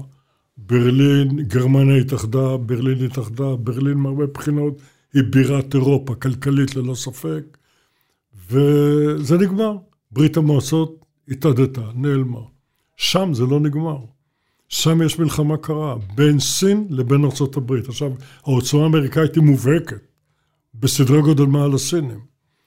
אבל בדקה הזאת מטוסים חולפים אחד על פני השני, אוניות חולפות אחת על פני השנייה. בים סין הדרומי יש ויכוח מאוד קשה בין האמריקאים לבין הסינים, הסינים בונים שם איים מלאכותיים. למי שלא מבין למה, אה, גבולות אה, ימיים נקבעים לא רק למה שאתם רואים, גם יש עשרות קילומטרים מקו החוף, בגלל כן, זה למשל כן, הגז כן. הישראלי. שייך לנו, למרות שזה יכול להיות 80 קילומטר מהגבול, או לא משנה מה, אז גם הסינים...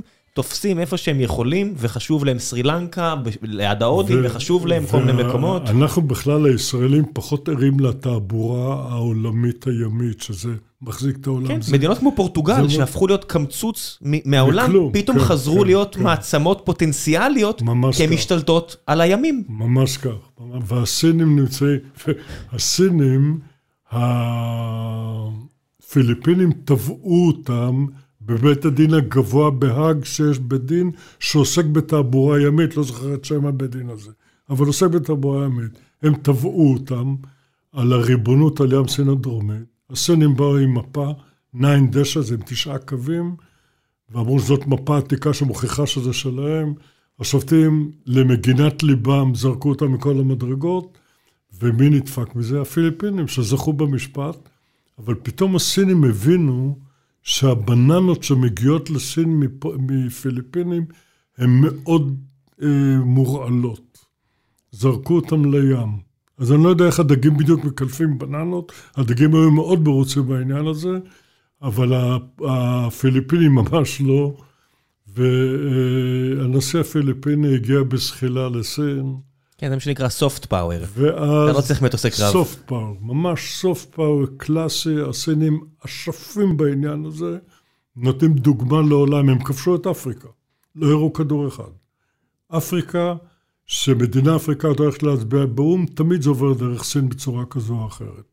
היום הם כבר, האפריקנים מבינים את זה ומתמודדים עם זה, שנים ארוכות, כשאני הייתי בסין זה היה מובהק, שהסינים, מה שקורה באפריקה זה אה, לפי החלטה סינית. וזה לא, זה לא, זה לא אה, אה, בטל בשישים, כי ניגריה הולכת להיות המדינה השלישית הכי מאוכלסת בעולם בקרוב, תעבור את ארצות הברית תוך כמה עשרות שנים, לא יותר. ו- ומי כן, שלא כן, מבין, כן, אין שום מניעה שהאפריקאים יעברו את התהליך שהסינים עברו. כי אנחנו שוב מסתכלים קרוב. ממש ככה, אנחנו אומרים, ממש אה, אפריקה האלה לא נכון. שווים כלום, שחורים, לא לא, עושים לא. כלום. אתם, שוב אני אומר, קוריאה, דובאי, סין, כן, כן, ישראל. בשנות סין, ה-50 סין. היו מדינות עניות. סין של 1980 היא מדינה כמו המדינות מסביב לים התיכון, משהו כמו ספרד. לא יותר מזה, תראה איפה סין היום, ואיפה ספרד היום, איפה אתה מתחיל לעשות. ותראה את רוסיה, שעשתה את הכיוון ההפוך. היה פה שגריר נכון. האיחוד האירופי, אמר, אתם הישראלים רק מדברים פה על פוטין ורוסיה, זה מדינה עם תמ"ג של ספרד, מה אתם אה, מתלהבים? כן, זה נכון, מדינה נכון. כושלת, אז יש לה צבא, אוקיי. זה לזכותו של פוטין שהוא יודע לשחק את המשחק, אבל אני לא יודע את מי זה מעניין, אין- את האנשים להם. שלהם. אין להם שום עוצמה אמיתית. יש להם עוצמה צבאית כלשהי, כן, לא- לא- מזה. אבל לא- לא סופט פאוור. ממש אה, לא. האמת שאני לוקח בחזרה, כי מה שהם עושים עכשיו עם הגז הוא סוג של סופט כן, פאוור, והם נכון, מסובבים את נכון. את היעד של אירופה, אבל כן. נכון, אבל הסינים זה soft power, זה דוגמה קלאסית ליכולת שלהם. עכשיו, מה מדאיג? אפריקה בסדר, הם מגיעים עכשיו כבר למרכז אמריקה ולדרום אמריקה, ויש לו דוקטרינת מונרו שאומרת, האמריקאית שאומרת, לא קרוב לגבול שלנו. שם אתם לא משחקים, שם כן. רק אנחנו האמריקאים, אל תשחקו לנו שם. כן. לא בהונדורס ולא בגואטמלה, לא בשום מקום. תצחקו, כן. זה שלנו. כשהרוסים זה שלנו. ניסו לערער את דוקטרינת מונרו, זה נגמר במשבר הטילים בקובה, והעולם היה נכון, כפסע משואה גרעינית. קראתי עכשיו ספר, בין הספרים שאני קורא, שנקרא 2034. כן, הוא גם אצלי עכשיו, ממש התחלתי עכשיו. אתה חייב לקרוא את זה. אני עכשיו קורא את זה. זה המלחמה העולמית השלישית, כן. לא יודע אם השלישית, אבל הבאה, לפי הספר, אדמירל אה, אמריקאי, אחד הכותבים של הספר, והמלחמה מתחילה, הפלא ופלא, בים סין הדרומי. שם היא מתחילה. ככה, out of the שמע, הטיוואנים מרגישים את זה. אתה יודע, אתה רואה פתאום אה, חסות פה בפודקאסט, או יכולה להיות אה, שלט בתל אביב, ושהם אומרים, תסתכלו אצלנו, יש דמוקרטיה, אנחנו נחמדים, בואו תעשו איתנו עסקים, כי הטיוואנים מבינים שהיום הדרך הכי טובה, אולי לעצור מלחמה לפני שהכדור הראשון נורא, כמו שהאוקראינים מבינים, כמו שהרבה מבינים, אז זה רגע. בואו נביא את הזרקור אלינו. אתה, אתה מדבר כרגע אל סיני. אתה מדבר אל סיני, ואני רואה את טיוואן בעיניים סיניות. כחלק מ... טיוואן היא חלק מסין. זה סין המקורית, מה הכוונה? China, one China. כן? זה סין המקורית. שיאנג קיישק עובר את הגבול לטיוואן. הוא, הוא בורח לשם, כן. ואי אפשר לרדוף אחריו, כי זה למבצע נחיתה עם כל המשמעויות של זה, ולכן טיוואן קיימת, ועכשיו היא tiger כלכלי בפני עצמה. ותשים לב שאף מדינה בעולם אין יחסים דיפלומטיים עם טיוואן, גם לנו. זה משרדי אינטרסים, זה רמה אחת מתחת כן, לקונסול. קונסול, כן. וזה מהלחץ הסיני, זה העוצמה הסינית האמיתית. וטיוואן היא tiger כלכלי מכל בחינה שהיא.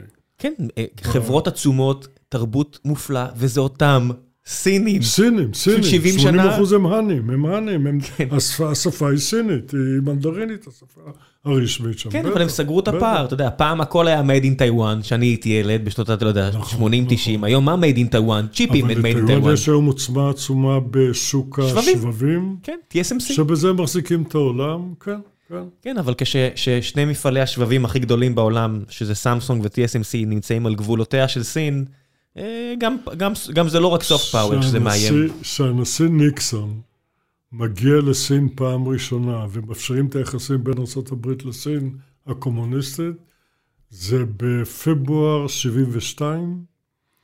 הוא מגיע לבניין הפרלמנט הסיני, זה בניין ענק, The Great Hall of the People, במרכז בייג'ין, לכל פרובינציה סינית יש שם לשכה משלה.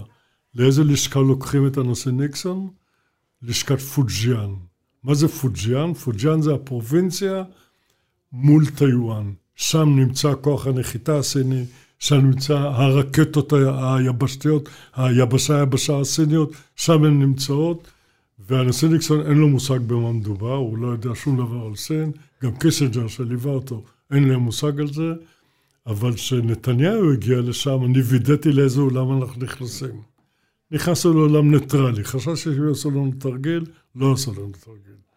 וזה חלק מה... הסינים, יש להם ראייה גם קדימה וגם אחורה, ארוכת שנים, עם שלווה כזאת מסוימת, והרבה עוצמה מסתתרת מאחוריה. צריך להבין אותם, צריך להכיר אותם. בואו נעשה קצת אה, שאלות מן הקהל, כי 24 שעות או 48 שעות לפני כל פרק אני מספר מי האורח שמגיע, ואז משאירים שאלות, אז בואו ניתן 10 אה, דקות אחרונות של הפרק קצת מקום אה, לקהל המאזינים, ולפני שנגיע לזה דבר המפרסם. היי hey, חבר'ה, לפני שנחזור לפרק הזה עם uh, מתן, אני רוצה לספר לכם על נותני החסות הנוספים שלנו, והפעם זה מותג שוקולד אהוב עליי, יער הקקאו של יערה קלמנוביץ' שכבר הייתה פה בפרק בעבר. יער הקקאו זה אחד ממותגי השוקולד האיכותיים בארץ, והכל שם נעשה בידי אומן של יערה והעובדות סביבה ואיתה. אפשר להזמין את זה אפילו עם 10 ביס, זה מגיע לכל uh, כל מקום בארץ, זה יכול להגיע. זה באמת שוקולד מעולה, והם גם מעבירים סדנאות וימי כיף, אז אם אתם נשות או אנשי HR שמחפשים פעילויות לצוותים בחברה שלכם, אה, זה מקום שבו אפשר להגיע עם ילדים, מבוגרים, צעירים ברוחם, כל מי שאוהב שוקולד, יש להם את כל הסוגים האפשריים, וזה הכל עם אה, תוספות של חומרים טבעיים. אחרי שאוכלים יער הקקאו, קצת קשה לחזור אחורה, זו הבעיה אה, היחידה. לעניות דעתי, עדיף לקנות אה, פחות שוקולד טוב מאשר יותר שוקולד פחות טוב. זו הדעה האישית שלי, ואני מרגיש מאוד מאוד בנוח להמליץ עליהם, כי זה באמת אחד ממותגי השוקולד הכי טעימים שאכלתי. זהו, יער הקקאו, אם שואלים אתכם, תגידו שהגעתם דרך גיקונומי, אני אשאיר לכם את פרטי האתר שלהם. ועכשיו, בחזרה לפרק עם מתן וילנאי, מקווה שאתם נהנים. וחזרנו. אה, זוהר אתר שואל, מה אנחנו לא מבינים שאנחנו לא מבינים במחשבה הסינית? אם הוא מצטט פה את אייזנהאואר, מה אנחנו לא יודעים שאנחנו לא יודעים? זה תרבות אחרת, העולם נראה אחרת, אף פעם לא יגידו לך לא. אף פעם לא יגידו לך מיו, אין דבר כזה לא. תמיד יצאו מזה באיזושהי צורה אחרת, ואתה אף פעם לא תבין למה הם מתכוונים באמת. ומה, לטקס יש מקום מרכזי, הטקסיות היא בעלת משקל עצום, והרבה אנשים נופלים בשבי ואומרים, אבל היה טקס יפה. זה לא אומר כלום. זה חלק מהתרבות. זה לא אומר שחתמת איתם חוזה, זה לא אומר שהתקדמת מילימטר אחד. זה אומר שהם אירחו אותך כפי ששינים רגילים לארח. בכל תרבות והטקסים לא שלה. אתה יודע, שאתה רואה עכשיו את אה, אה, ראש הממשלה נפתלי בנט מתארח, ויש פתאום דגל ישראל מאחוריו, יש חשיבות. לא, לא, למדו, למדו, לומדים, כולם לומדים, יש חשיבות. כשאמריקאי, למשל, אתה בא לגייס כסף, והוא אומר לך, זה רעיון נחמד, אני אחזור עליך, יש חשיבות, אז תבין שאין שום כסף. כן, כן, תבין שאין שום כסף, הכל בסדר. אתה צריך להבין את האנשים שאתה מדבר איתם. דרך אגב, אני רוצה, אה, נפתלי בנט, ראש הממשלה, ביקר פעמיים בסין בתקופתי בתור שר כלכלה. לדעתי ביקורים למופת מבחינתנו, והוא דיבר כשר כלכלה, שזה הדבר המרכזי עם סין, והסינים נהנו מאוד בביקורים האלה, וגם אני חושב שהיו ביקורים מאוד חשובים. מאוד חשובים. איך הם הסתכלו על מערכת היחסים בין בנימין נתניהו למודי? הם לא מתעסקים על זה. הם לא מתייחסים לזה. זה לא קיים. הם, הסינים? כשהוא מצטלם על בחוף הים עם uh, נשיא הודו, זה לא... אה, אה, זה מפריע להם. כן, הודו היא אויב. צריך לזכור שבשנת 62' הייתה מלחמה, לא מלחמה, תקרית גבול בין הסינים להודים, מכל צד עוצמתו של צה"ל, וזה נקרא תקרית גבול. הסינים, ברור שידם הייתה שם על העליונה, ומאז בקו שנקרא קו מקמהון בהימאליה, יש מתיחות בין הסינים לבין ההודים, כן? בדקות האלה. יש שם איזה פטרול שחוצה את הגבול ועושה כל מיני דברים כאלה. טייל, טיילתי שם בגיל 21, ועליתי שם לאחד הפסים ברגל, וראיתי את אחת העמדות הצבאיות האלה, זה היה לפני 20 שנה כבר כמעט, ונדהמתי מכמה יכול להיות מקום יפה כל כך, עם תקריות גבול מטופשות כל כך. זה באמת, זה קיצוני כמה שיפה שם. אתה יכול להסתכל פתאום על איזה בפלו, ומאחוריו רק דשא ונחלים כן, ופזגות כן, מושלגות, כן, ופתאום יושבים שני הודים נכון, נכון. במשהו כזה, לא, פילבוקס קטן. וחשדנות כזו. הייתה רעידת אדמה בנפאל, שהייתי שגריר, והצלחתי לסדר שמסוקים סינים ייכנסו לחלץ מטיילים שלנו. אתה יודע מי יצר את זה? לא הבנתי את זה בכלל, זה חלק מחוסר הבנה. הנפאלים אמרו, מסוקים סינים ייכנסו, אנחנו לא יודעים מתי הם יצאו. או שלא ייכנסו. ואנחנו נסתדר עם זה. שמע, החברים הטיבטים שלהם אה, רואים כן. את זה על בשרם. כן, כן. אתה יודע, מה שנכנס לא בהכרח יוצא. ממש כך, ממש כך. מה לגבי באמת האזורים היותר אה, בעייתיים בסין מהבחינה הזו? איך זה נקרא? אויגרים? אני לא יודע לבטא את זה. אויגורים. אויגורים וטיבט? יש, אה, בסין יש מוסלמים. מוסלמים חווי, עם כיפות לבנות כאלה גדולות על כל הראש, מאוד מתונים, סונים. אני הייתי אוהב מאוד להתארח אצלהם. קודם כל לא שותים כמו מטורפים, הם לא שותים בכלל. בניגוד לסינים. וכי הם מוסלמים, ואתה אוכל אוכל חלל, שהוא הכי קרוב לאוכל כשר, והם אנשים נחמדים. אני בהתחלה אמרתי גנרל ישראלי וזה, זה הסתדר יפה מאוד. ויש גם מוסלמים אויגורים, שזה המקור של העות'מאנים, מדברים על מרכז אסיה, הם רוצים לעשות מדינה משלהם. החבל ארץ המערבי ביותר בסין, שינג'יאנג, הוא הקרוב ביותר לישראל, הוא חבל אויגורי, היה, היום הם כבר ישבו שם הרבה מאוד האנים, סינים מסוג אחר, והחבל הזה מאיים על סין. מאיזו בחינה הוא מאיים עליו? שאלה מצוינת. כולם שאלו את השאלה הזו. אני לא הבנתי למה, עד ששי ג'נפינג התייצב באורמוצ'י, אה, בירת החבל הזה, ואמר, פה ייקבע גורלה של סין. אמרתי לעצמי, בן גורן אמר את זה בשדה בוקר. הוא אמר, פה ייקבע גורלה של מדינת ישראל, ואז הבנו את זה. אבל הם פשוט לא רוצים שיתנתקו מסין, סין הגדולה. היסטורית זה שלהם, זה בסדר גמור, והם אה, מתמודדים איתם, אויגורים מפעילים טרור. טרור אה, אכזרי כמו כל טרור. סכינאות, כמו שאנחנו מכירים את זה פה. סכינאות בצורה מפחידה. יום אחד טבחו בתחנת רכבת 30 איש, 29 אנשים, ככה, out of the blue, והסינים מתמודדים עם זה. אה, אנחנו מאוד נזהרנו לא לגעת בזה, כי השיטות הסיניות הן לא שיטות שתהיינה מקובלות עלינו, אבל הם מתמודדים עם זה שם, מתוך הרגשה שזה איום על שלמותה של סין. ואחרי שנים שם, אתה מבין את העניין הזה? לא. לא, אני לא מבין. אני, לא- אני, נראה לי כאילו לכאורה, אז שיפרדו מהם. אתה מסתובב שם... כן, זו עוד מדינה, מרכז אסיאתית, אני יודע. הם רואים את הצבע, אתה מסתובב שם, אתה מרגיש שאתה נמצא במדינה מרכז אסיאתית. הצבע השולט הוא הצבע הירוק, מסגדים, מבנים, הכל ירוק, המון צריכים של מסגדים, אבל המנהיג, המנהיגות המקומית כולה זרה, לא מוסלמית. האנית. האנית זה הגזע, הסינים שאנחנו פוגשים הם האנים, זה 90 וכמה אחוז מהאוכלוסייה, והם נמצאים שם. זה כאילו כמעט טראומה של, לא יודע מה, של 700 שנה מימי המונגולים, ואיכשהו הם לא מצליחים להשתחרר מזה, ממש, שיבואו ממש החבר'ה כך. ממרכז אסיה ויטבחו בהם. ממש, ממש כך. טיבט, אתה יודע, כן. טיבט זה, זה מקור כל המים. אני, אני יכול להבין, לתת רציונל לעצמי, למה צריך את זה מדינה עם כל כך הרבה שטח, לא, כי זה טיבט, מים. טיבט הייתה אימפריה. לא, אני יכול להבין למה, למה למשל כן. לסין חשובה, כן. למה טיבט חשובה לסין, אני יכול להבין כי זה מקור של מי שתייה, זה משאבים.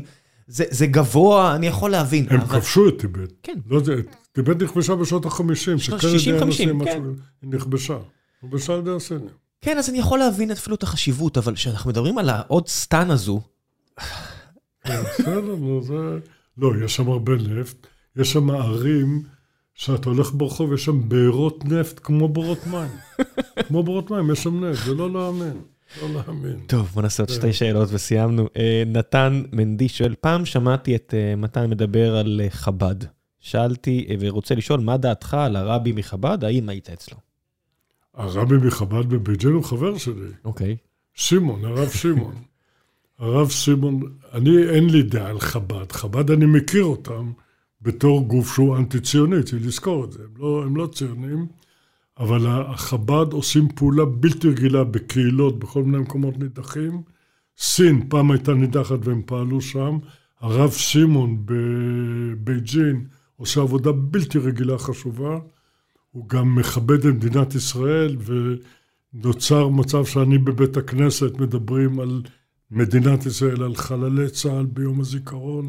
יום הכיפורים, אני הקמתי ונשאתי דרשה שלמה ביום הכיפורים על מלחמת יום הכיפורים שלנו, והם קיבלו את זה, וזה עולם יהודי מרתק בפני עצמו. ומשקלו רב מאוד בזה שהם פזורים בעולם ולישראלים הם מהווים מוקד של עזרה במקום כזה או אחר. הרב שמעון אישית הוא איש נהדר.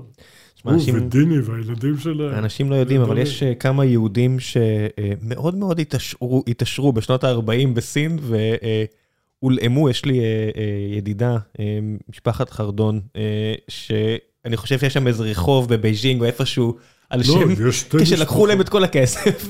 יש שתי משפחות, משפחת כדורי ומשפחת ששון, שתיהן מבצרה, מבגדד, כן, בעיראק, עיראקים, כן.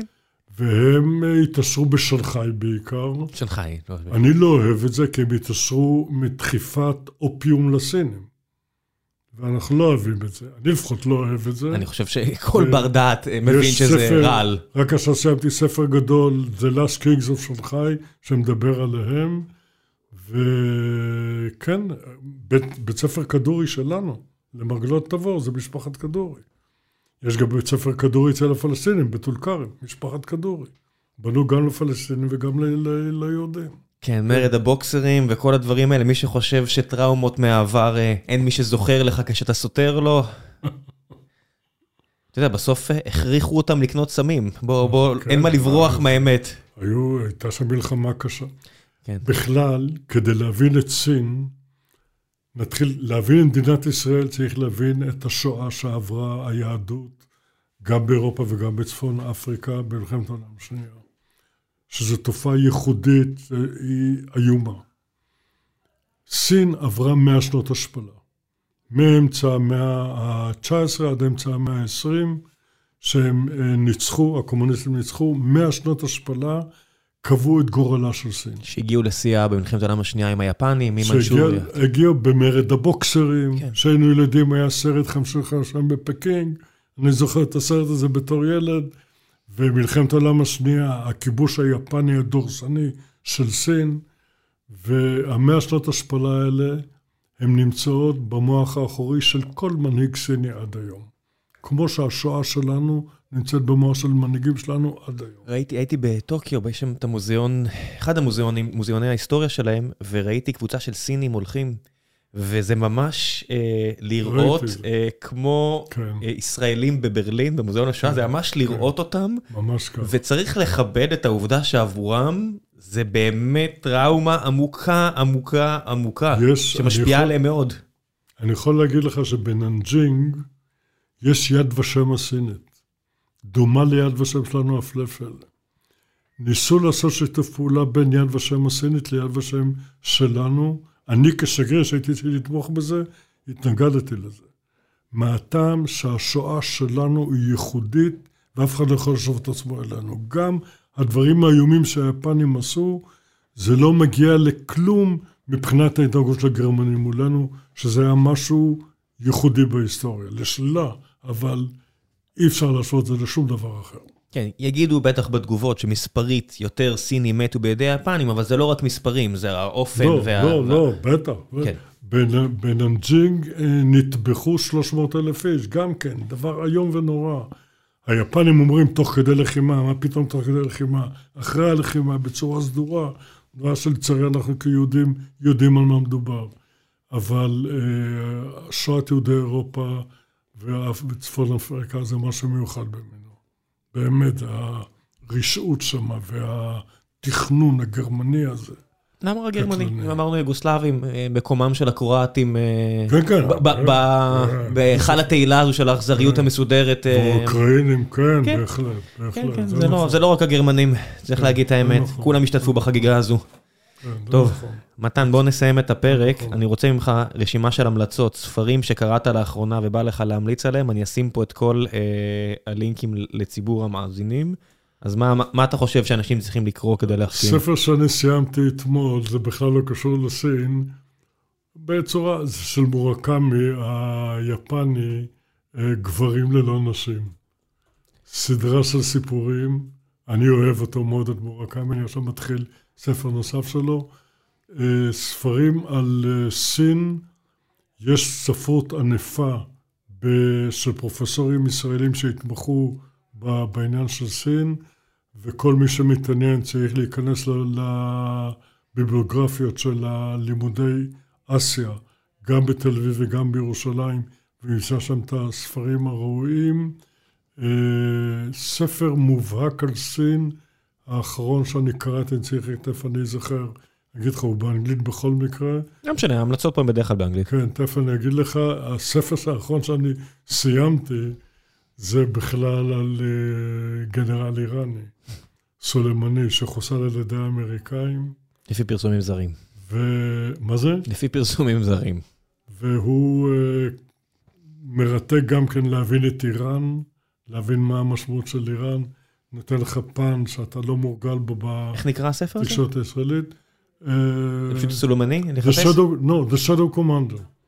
Shadow Commander אה, סולימני, כן. ספר שנכתב על ידי פרופסור איראני מהרווארד, שיושב בבוסטון. אתה מבין את ה... אם יש לי עוד כמה דקות איתך, אתה מבין את הפוליטיקה האיראנית, את, ה... את השאיפות שלהם? זה נראה לך הגיוני? האיראנים, אה, אני מבין... שמפעילים כל כך הרבה כסף אה, כדי להשתתף בתימן ובסוריה והכל, וההפרדה הזו בין המדינה לבין משמרות המהפכה, שיש להם תוכנית חלל משלהם וכלכלה משלהם. זאת אומרת, אנחנו לא, מבינים את זה? ותוסיף את האזרח הפשוט, את האזרח הפשוט אמרתי, יש, האיראני. יש את המדינה, יש את האזרח הפשוט, זאת אומרת, המדינה זה כן, יש בשליטת כן, אה, אה, קום וכל החכמים הדתיים שמה, כן. אה, ויש את משמרות המהפכה, שזה כאילו מדינה בתוך מדינה. זה חלק מהרצון שלהם להיות מעצמה אזורית במזרח התיכון. והם לא ערבים, הם... בוודאי שלא. אה, כן, הם, פרסים. הם פרסים, גם כן, מיעוט. הפרסים הם 40 אחוז לדעתי. המנהיג העליון, חמנאי, הוא עזרי בכלל.